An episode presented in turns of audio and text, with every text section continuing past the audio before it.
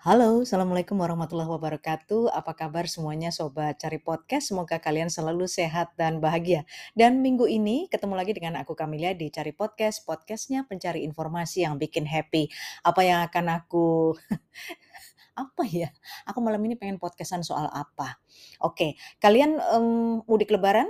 Pasti mungkin ya, insya Allah ya. Insya Allah tahun ini adalah mungkin libur mudik lebaran yang terpanjang ya mungkin dan ini adalah momen ketika dua tahun kita kayak diikat gitu ya nggak bisa ke mana-mana dan tahun ini alhamdulillah pemerintah memberikan kelonggaran ya kepada kita semuanya masyarakat Indonesia untuk melakukan mudik lebaran, bertemu dengan kerabat dan keluarga tercinta di kampung halaman. Tapi tetap ya teman-teman eh, pesanku kalian tetap jaga prokes yang ketat jadi kita berangkat sehat, pulang sehat dan tidak ada angka pertambahan Covid lagi dan Indonesia seluruh dunia juga bebas dari pandemi Covid-19. Amin. Um, speaking about mudik lebaran, kemarin karena aku mudiknya melawan arus guys, jadi Kenapa dibilang melawan arus? Bukan maksudnya di sungai terus ngelawan arus, bukan. Kalau orang Jakarta yang kerja di Jakarta atau tinggal di Jakarta, biasanya kalau mudik kan uh, ada yang ke arah timur Pulau Jawa, ada yang ke Kalimantan, pokoknya keluar dari kota besar bernama Jakarta ya. Tapi aku kebalikannya guys ya. Jadi aku mudiknya malah ke Jakarta sehingga melawan arus. Apa tuh keuntungannya? Keuntungannya adalah tiket biasanya lebih murah ya daripada kita uh, apa namanya? Orang Jakarta yang kemudian mudik keluar Jakarta tuh tiketnya, wah luar biasa. Tapi alhamdulillah masih dalam, eee, taraf kewajaran kemarin aku dapat tiket walaupun sempat dipermainkan ya dengan, eee, aturan yang membingungkan sehingga aku harus reschedule dan mengeluarkan duit lagi. Tapi nggak apa-apa ya demi ketemu dengan, eee, orang tua tercinta, cie di kampung halaman. Eh, kampung ya? Ya deh kampung aja. Jadi aku ceritanya mudiknya melawan arus. Nah, di sela-sela mudik itu kan aku mikir juga ya, waduh ngapain ya gitu maksudnya kita lebaran di Jakarta itu yang enak itu ngapain? Karena, eee, kita semua tahu lah Jakarta itu kan kota bisnis ya, tempat orang kerja. Jadi rasanya dalam bayanganku tidak kita tidak akan menemukan sesuatu hal yang istimewa ketika kita melakukan wisata ya ke sana.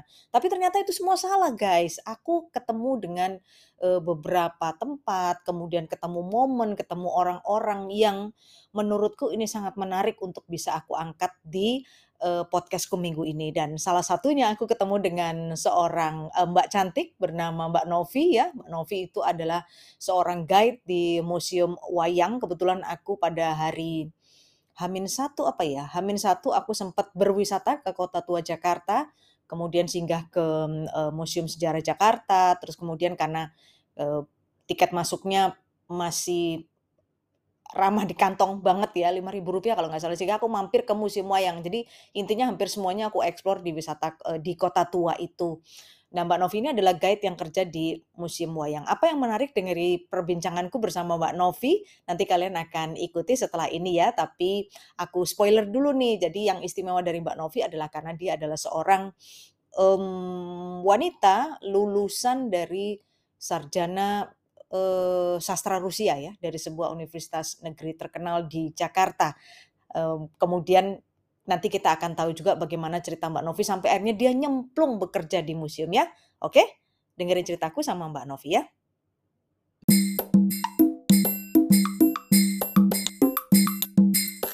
Halo guys, Assalamualaikum warahmatullahi wabarakatuh. Ketemu lagi dengan aku Kamilia di Kenapa? Dan kenalin, aku udah kenalan sama Mbak Novi. Kebetulan uh, Mbak Novi bertugas di Museum, Wayang. Wayang di seputar Kota Tua Jakarta. Ini tadi sebenarnya suatu hal yang menarik dan mendadak saya ketemu Mbak Novi. Pengen tahu-tahu sedikit ya tentang uh, kesannya Mbak Novi kerja di sini kayak apa sih gitu. By the way Mbak, Mbak Novi uh, dari latar belakang pendidikan apa Mbak? Oh, saya sastra Rusia Tuh, sastra Rusia yeah. loh guys, tapi bisa nyemplung ke musim wayang ya, ke musim wayang. Gimana nih Mbak sejarahnya kok bisa dari sastra Rusia hmm. nyasarnya ke musim wayang gitu? Memang tertarik untuk uh, kerja di museum karena saya cinta museum. Oh, begitu. Iya, karena sejak kuliah saya sudah uh, mengunjungi beberapa museum di -hmm. Indonesia juga dan -hmm. memang tertarik untuk uh, bekerja di museum. -hmm. Kemudian dapat kesempatan juga memang uh, di museum wayang ditempatkannya dapat Oh, dapat kesempatan di sini ya. Iya. Memang pada waktu itu ada apa namanya kebutuhan untuk dari sastra mungkin? Uh, enggak ini emang ada lowongan di sini emang mm-hmm. membutuhkan guide di sini dan ada background tentang permusiuman, permusiuman dan bahasa asing juga. Oh bahasa asing, oke okay. Iya. berarti mungkin nanti kalau ada turis-turis dari Rusia gitu ya, ya? iya. Hmm. Tapi selama ini turis Rusia banyak nggak yang ke sini? Sebelum pandemi banyak ibu, karena oh, iya, kita iya. juga ada pagelaran museum, uh, pagelaran wayang sebenarnya tiap hari Minggu dulu sebelum oh. pandemi, ya hmm. itu jam 10 sampai jam 2 siang. Oh ada ya, tapi setelah pandemi mungkin itu masih belum bisa disesuaikan Di tahun, lagi ya sekarang tahun ya. Tahun ini kita sebulan sekali jadinya. Kita oh, ada lagi Mei tanggal 22.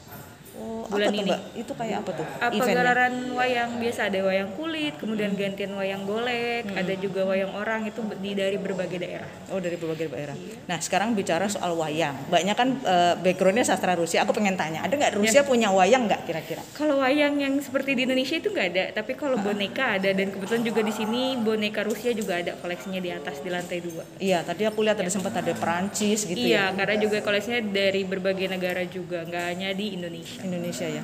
Kalau Rusia sendiri wayangnya kekhasannya seperti apa ya? Itu mereka seperti boneka biasa sih yang kayak boneka anak-anak, mm -hmm. tapi tidak ada tradisi untuk wayang. Hmm. Terus tokoh Rusia. yang ditampilkan siapa kalau Rusia? Biasanya ini yang dia pakai pakaian perempuan tradisional Rusia. Oh, okay, pas zaman kekaisaran mm -hmm. sebelum jadi republik sekarang kan. Mm -hmm.